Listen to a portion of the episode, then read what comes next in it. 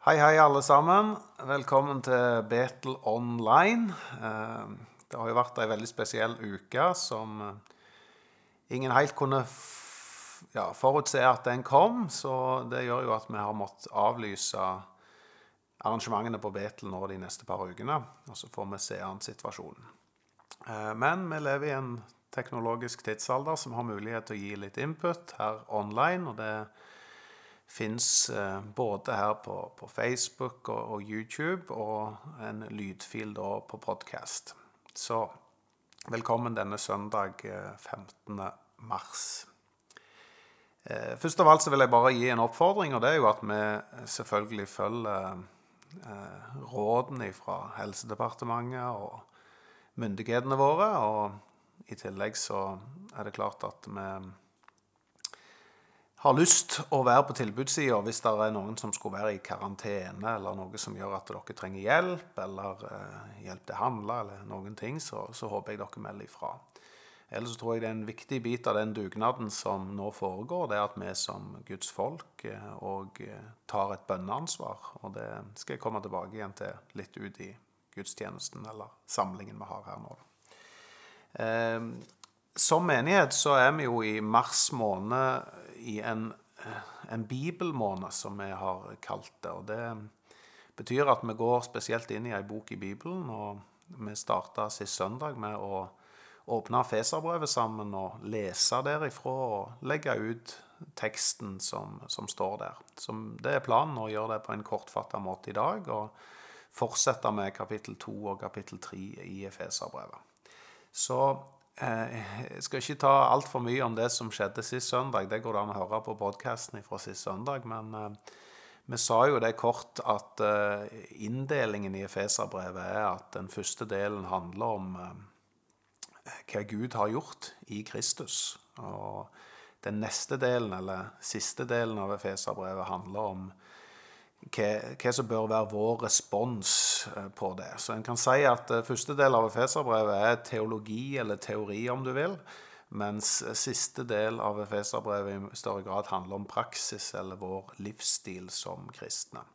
Så vi er i første del av Efeserbrevet, og vi skal straks lese kapittel to og den teksten der. Eh, Men før det så har jeg bare lyst å, å dra fram et uh, lite skriftsavsnitt som er sentralt i den første delen av Efeserbrevet. og Det står i kapittel 3 og vers 2-4. Og jeg leser. Dere har hørt om den nåde Gud har gitt meg, sier Paulus. Og det å være en forvalter hos dere over, det, over den hemmelighet som ble kunngjort for meg i en åpenbaring.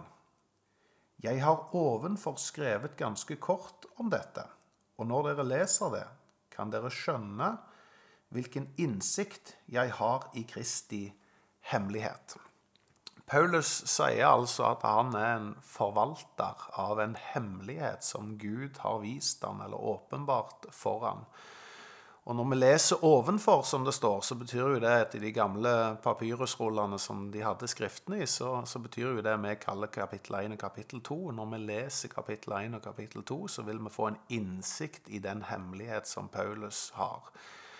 Og Leser vi bl.a. i Kolosserne, så vil vi se at dette er Paulus sin oppgave. Det er å forvalte den hemmeligheten og rulle den ut og gjøre den tydelig og røpe den hemmeligheten, sånn at vi alle kan ta del i den hemmeligheten. Og Skal vi røpe den hemmeligheten med en gang, så er jo den store åpenbaringen Paulus har fått, det er at Guds hemmelighet er Kristus. Og Derfor så er et sentralt begrep i hele Feserbrevet det er uttrykket 'i Kristus'. Jeg tror det står ca. 20 ganger i første kapitlene dette uttrykket 'i Kristus'. En annen inndeling av Efeserbrevet gjør at vi da også kan si at eh, sånn progresjon og disposisjonsmessig så, så er Efeserbrevet har tre stikkord. og Det er stikkordene 'sitte', det er 'vandre' og det er 'stå'. Og Det handler da i første tre kapitlene om å innta eller se vår åndelige posisjon, vår sittestilling, som handler om at vi er et menneske som er i Kristus. Så handler kapittel 4 og kapittel 5 i større grad om den kristne vandringen, og så handler kapittel 6 om det, hvordan vi kan bli stående og sterke og stødige i troen under alle slags type omstendigheter. Så eh, da skal vi rett og slett gå inn og så lese kapittel 2, og så er det Elise som leser det, så heng med. Dere var en gang døde på grunn av deres misgjerninger og synder. Dere levde på den nåværende verdens vis og lot dere lede av herskeren i luftens rike, den ånd som nå er virksom i de ulydige. Ja, vi levde en gang alle som de. Vi fulgte lystne i vår syndige natur og lot oss lede av den og av våre egne tanker. Slik var vi av naturen under Guds vrede, liksom de andre. Men Gud er rik på miskunn. Fordi han elsket oss med så stor en kjærlighet, gjorde han oss levende med Kristus, vi som var døde på grunn av våre synder. Av nåde er dere frelst.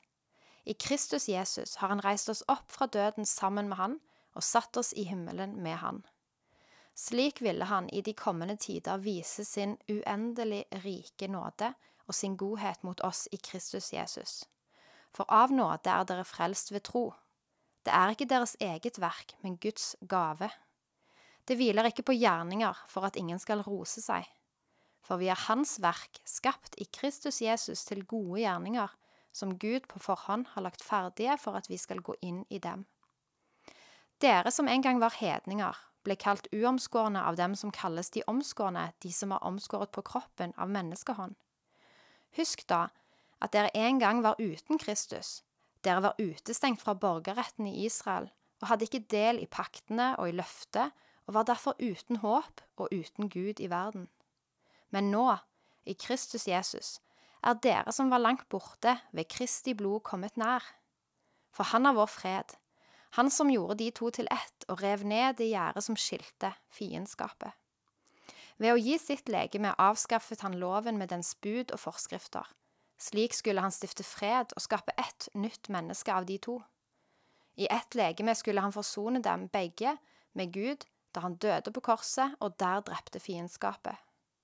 Så kom han og forkynte det gode budskap om fred for dere som var langt borte, og for dem som var nær. Gjennom ham har vi begge én ånd tilgang til Faderen.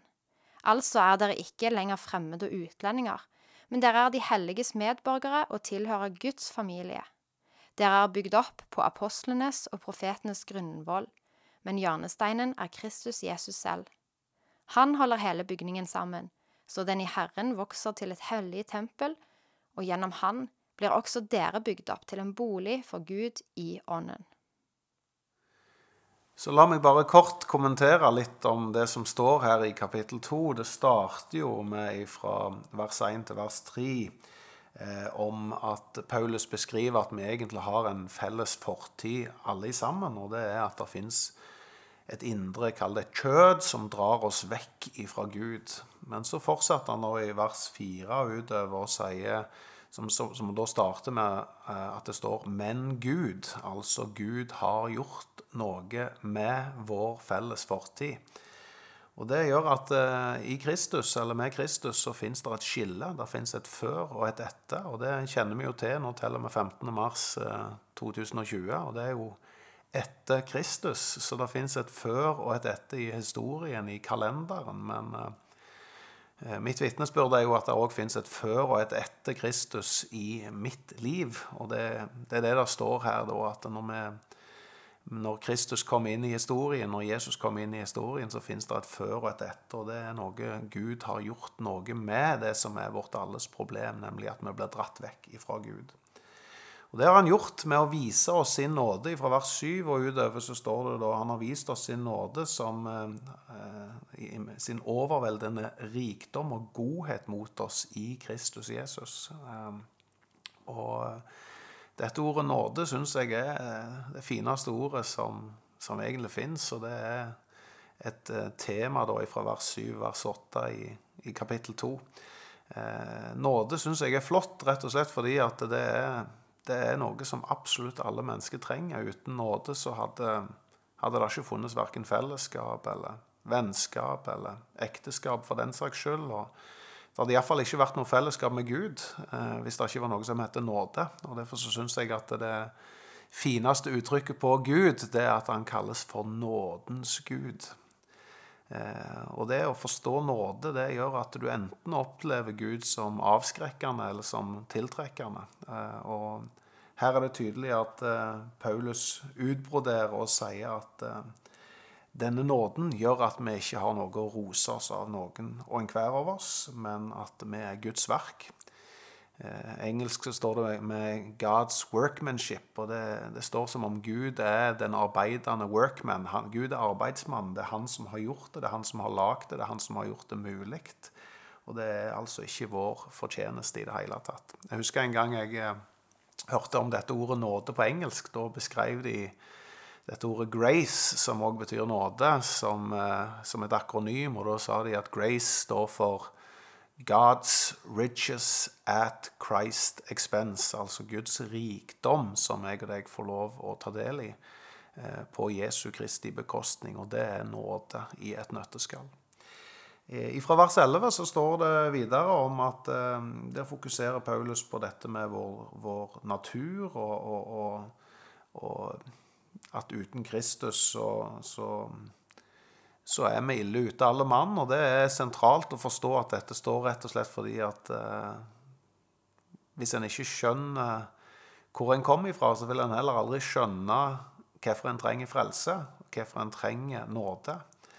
Men eh, her utbroderer Paulus litt om det, og så sier han at eh, den nye posisjonen vår det er det at vi ikke er langt borte fra Gud, men at vi har kommet nær til, og at vi har fått adgang til Gud gjennom Jesus Kristus. Og i disse tider med korona og greier, det snakkes om lockdown, og det snakkes om portforbud, og at vi ikke skal komme sammen og ikke, ikke ha adgang rundt forbi, så, så så, så, er Bibelen tydelig på at vi har adgang til å komme til Gud i Jesus Kristus. Og Det er jo derfor denne pakkeløsningen i Kristus er så fantastiske og så nydelige, som det da står om i Efeserbrevet. Kapittel 2 avsluttes med at, løft, at, Paulus løfter opp og sier at eh, pga. Kristus så har vi ikke bare fått adgang til Gud, men vi har òg blitt en del av menigheten. Og den beskrives både som at vi er blitt medborgere, og vi har blitt en del av en familie. Og det står at vi har blitt en del av en bygning. Og nå vet vi jo det at eh, Betel som kirke er jo ikke, er jo ikke, det er jo ikke bygningen borte i Kalamyrveien, men det er, det er jo oss som tror, som er denne bygningen. Og så sier Paulus at vi er som levende steiner. Da, sånn at eh, alle hører til i denne bygningen, så, så, du passer inn, og du hører til, og du er viktig, og du er en del av denne bygningen, og en del av denne menigheten. Så hvis jeg skulle koke hele liksom, kapittel 1 og kapittel 2 ned igjen så langt som vi har kommet nå i undervisningen, så, så handler det om at Gud har en hemmelighet, og den hemmeligheten er Kristus. Og så har Kristus en hemmelighet, og det er menigheten. For denne, dette navnet, som er over alle navn, det er gitt til menigheten. Og det er vi satt til å formidle og forvalte og ha som kjerne og stjerne midt i vår, eh, vår samling. Så da har vi kommet til kapittel to, og så skal vi gå videre til kapittel tre, og Elise skal lese for oss. Så heng med. Derfor bøyer jeg mine knær, jeg Paulus, som for dere hedningers skyld nå er Jesu Kristi fange. Dere har hørt om den nåde Gud har gitt meg, å være en forvalter hos dere over den hemmelighet som ble kunngjort for meg i en åpenbaring. Jeg har ovenfor skrevet ganske kort om dette, og når dere leser det, kan dere skjønne hvilken innsikt jeg har i Kristi hemmelighet. Den var ikke gjort kjent for menneskene i tidligere slekter, men nå er denne hemmelighet ved Ånden blitt åpenbart for hans hellige apostler og profeter, at også hedningene har fått del i arven. De hører med til det samme legeme og har del i løftet, i Kristus Jesus og i kraft av evangeliet. Og jeg ble en tjener for evangeliet da Gud grep inn med sin kraft og ga meg sin nådegave. Jeg som er den minste av de hellige, har fått den nåde å forkynne for folkeslagene det glade budskap om Kristi ufattelige rikdom og bringe Guds frelsesplan fram i lyset, den hemmelighet som fra evighet har vært skjult hos Gud, Han som skapte alt. Slik skulle nå Hans mangfoldige visdom gjennom Kirken bli kunngjort for maktene og myndighetene i himmelrommet.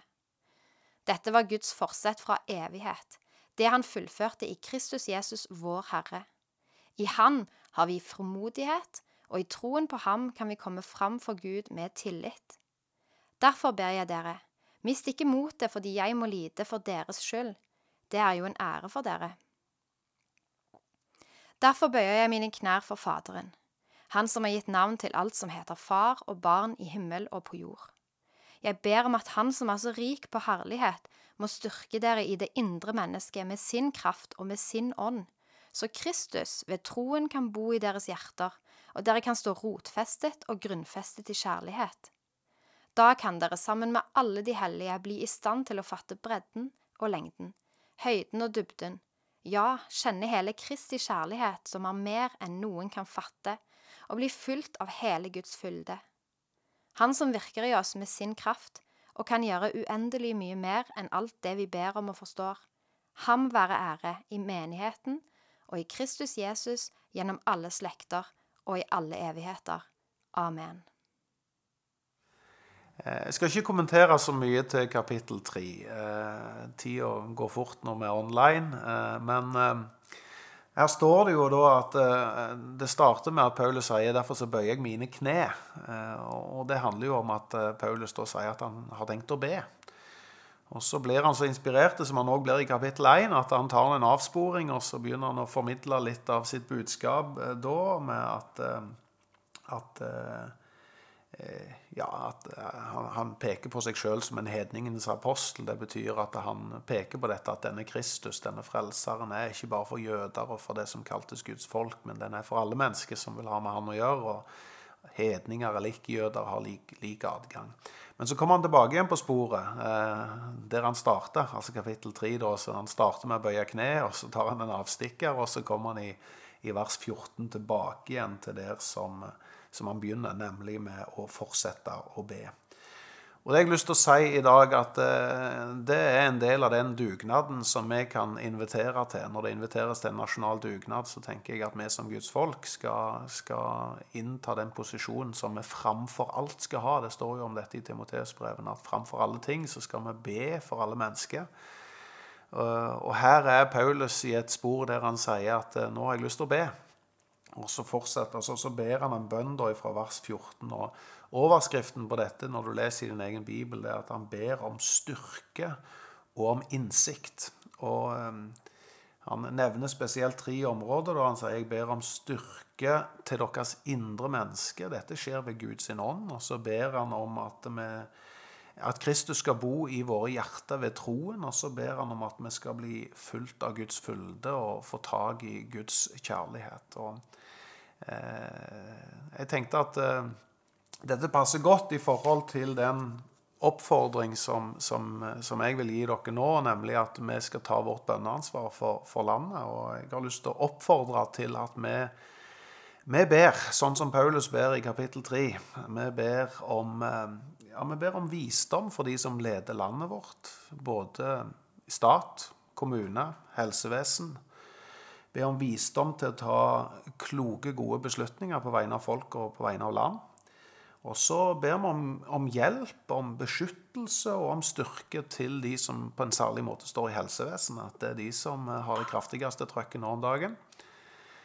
Og så ber vi om eh, fred og, og, og, kjærlighet for de som frykter. fordi det å gå rundt med frykt, det, det liker ingen. Og Bibelen sier at eh, det er bare kjærlighet som kan drive frykten ut. Og det skal vi be om, at vi skal fylles av Guds kjærlighet og av, av Guds fred. Eh, og til slutt så har jeg lyst til å nevne at vi ber om trøst og om helse for de som eh, er syke, eller de som er sårbare i denne situasjonen. Så la oss stå sammen om å gjøre det som menighet. Jeg har lyst til å eh, rett og slett eh, lese, eller be Elise lese Salme 91. Og så leser vi ut det som eh, både Guds ord, eh, men òg som en bønn over land og folk. Og så håper jeg du tar del i den bønnen. Salme 91 Den som sitter i skjul hos den høyeste og finner nattely i skyggen av den veldige, han sier til Herren, min tilflukt og min borg, min Gud som jeg setter min lit til. Han berger deg fra fuglefangerens snare, fra pest som legger øde. Under hans vinger kan du søke ly, og han dekker deg med sine fjær. Hans trofasthet er skjold og vern. Du skal ikke frykte for redsler i natten, for piler som flyr om dagen, for pest som farer fram i mørket, for plage som herjer ved middagstid. Om tusen faller ved din side, ti tusen ved din høyre hånd, blir du ikke rammet. Du skal bare følge det med øynene og se at de skyldige får sin lønn. Du, Herre, er min tilflukt. Den høyeste har du gjort til din bolig. Det skal ikke hende deg noe vondt, ingen plage skal komme nær ditt telt, for han skal gi englene sine befaling om å bevare deg på alle dine veier. De skal bære deg på hendene så du ikke støter foten mot noen stein. Du skal tråkke på løve og slange og trampe på ungløve og orm. Jeg berger ham når han holder seg til meg, jeg verner ham for han kjenner mitt navn. Når han kaller på meg, svarer jeg. Jeg er med ham i nøden, jeg frir ham ut og gir ham ære. Jeg metter ham med et langt liv og lar ham se min frelse. Tusen takk, Elise, og tusen takk for at du lytta. Eh, nå eh, bare litt praktisk info til slutt her. Eh, det vil bli lagt ut diverse opplegg for både Connect, ungdomsgjengen vår, og for Antenne, juniorklubben vår, og for barnearbeid i forhold til vennegruppe slash søndagsskole på de ulike Facebook-gruppene. Så, så, heng med der. Der fins det opplegg iallfall ukentlig og, og tidvis daglig med oppfordringer og ord og, og måter du kan få hjelp til å holde gudslivet varmt. Eh, og så har jeg òg lyst til å si at, eh, at, vi selvfølgelig følger anvisningene fra, fra departementet og fra, fra myndigheter, som gjør at vi kommer tilbake igjen med, med gudstjenester når det, er, eh, ja, når det er anbefalt. Og det tidligste blir jo 29. mars da, i forhold til at vi har et årsmøte som er utsatt og, og, sånt. Så enn så lenge så får vi bare se an den situasjonen. Eller så, hvis vi skal kalle dette en gudstjeneste, så tenker jeg at eh, vi deler ord, vi ber bønner, vi, vi, gir en andakt og vi gir litt info. Eh, og hvis du har lyst til å gi en gave til menigheten, så har jeg òg lyst til å oppmuntre deg til å gjøre det. Eh, det vet vi som, som, som eh, står i menighet, at det meste av det vi driver, enten det er lokal aktivitet, eller det bygget vi skal ha, eller ansatte vi har, og ikke minst det internasjonale og globale arbeidet vi gjør, så, så, drives alt det av frivillige gaver. og Derfor så, så, oppmuntrer jeg deg til, selv om du sitter hjemme i stua og ser dette, å bli med og gi en gave. og Tipset da er at du gir på VIPS, og det er nummer 89516. 89516. Du finner oss òg mer info på betel.no. Ønsker alle en strålende søndag fortsatt, ei god uke. Og muligens er vi tilbake om ei uke òg på Betel, kall det online. Gud velsigne deg.